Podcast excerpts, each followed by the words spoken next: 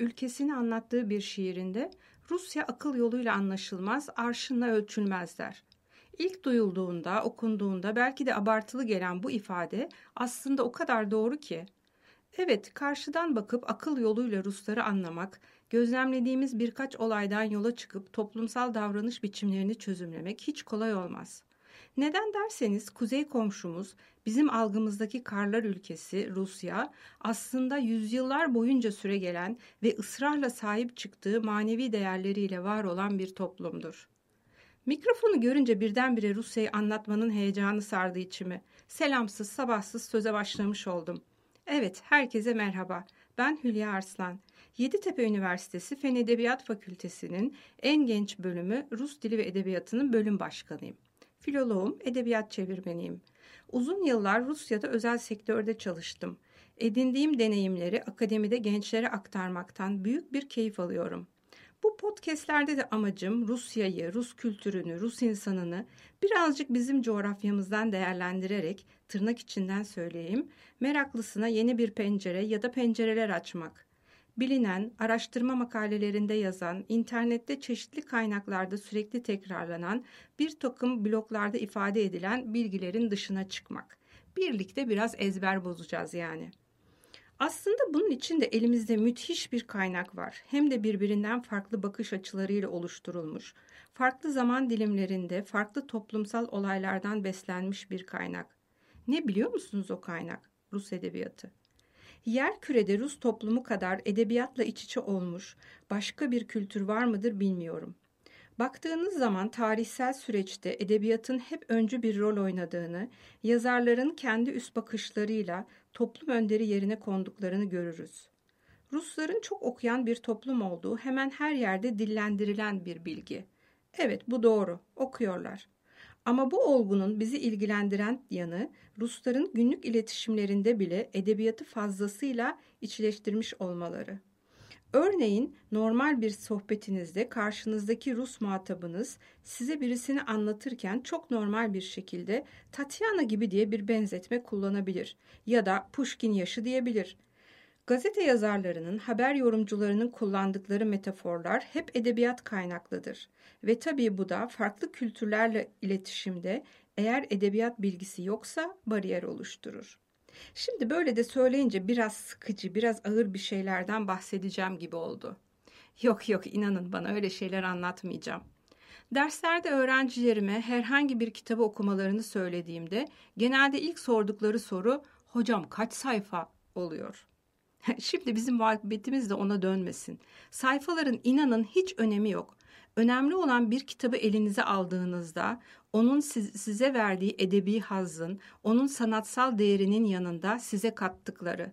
Rus edebiyatında her eser okuruna satır aralarında öyle bir dünya açar ki farkında olmadan dünya algınızı zenginleştirir.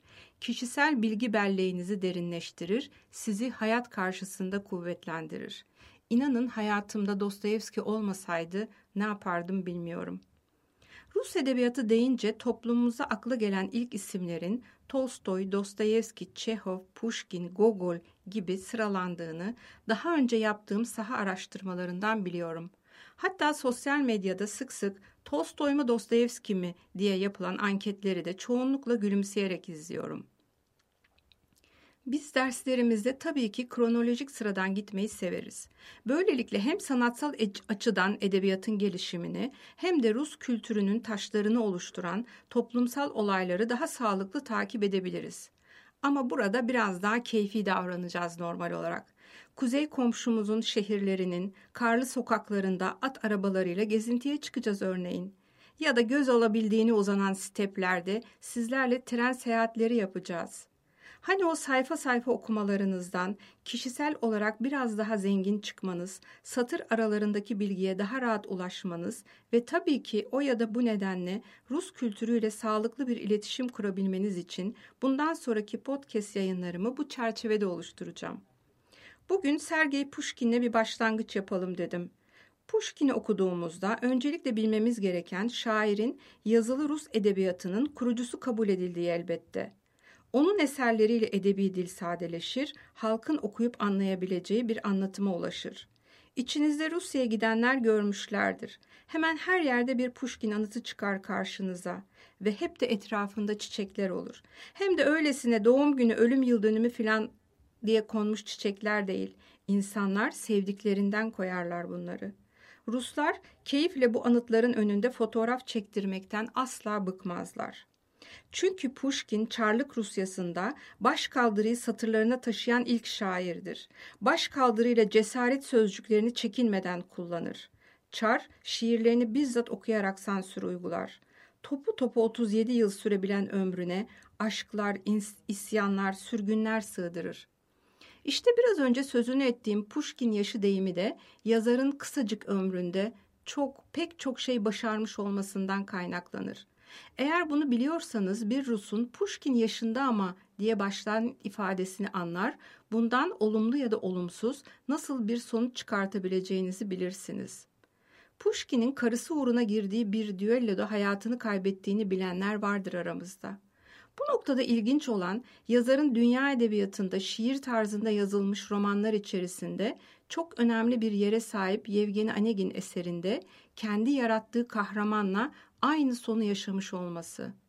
Bu beni hep çok etkilemiştir. Edebiyatta yazarların eserlerine kendi hayatlarından bir şeyler katmaları kadar normal bir şey olamaz. Ama burada yazar, dikkatinizi çekerim, eserinde yarattığı kahramanın kaderini yaşıyor. Madem ki Pushkin deyip Yevgeni Anegin'le yola çıktık, o zaman bir dipnot daha vereyim size. Yevgeni Anegin'in kadın kahramanlarından Tatyana, saf yüreğiyle karşılıksız bir aşka düşer. Evet, buraya kadar her şey sıradan, her şeyi bildik. Ama 1830'larda yazdığı bu eserinde Pushkin büyük bir cesaret örneği gösterip Tatyana'ya bir kadın kahramana mektup yazdırıp aşkını itiraf ettirir. Utanç ve korkudan ölüyorum ama sizin şerefinizdir güvencem ve cesurca teslim oluyorum ona diye bitirir mektubu Tatyana. Bugün hala hemen her Rus'un ezbere bildiği bu müthiş mektup, bu müthiş mektuptan satırlar günlük iletişimde sık sık karşımıza çıkar. 1830'larda Pushkin'in böylesi bir kadın karakter yaratması hiç şüphesiz kendisinden sonra gelen yazarların kadın karakterlerine kuvvetli bir zemin hazırlamıştır. Bence Pushkin'in Tatyana'sı olmasaydı Tolstoy'un Anna Karenina'sı bu kadar mükemmel yaratılmış bir karakter olarak karşımıza çıkamazdı. Gördünüz ya ne kadar çok detay var konuşabileceğimiz. Rus edebiyatının satır araları diyelim bu sohbetlerimize. Bugün Pushkin'le şöyle kısa bir başlangıç yaptığımız podcast dizimize bir sonraki kayıtta Dostoyevski ile devam ederiz. Kim bilir belki sizin keyifle okuduğunuz satırların çevirmene nasıl çile çektirdiğinden de bahsederim birazcık. Sağlıcakla ve okumayla kalın.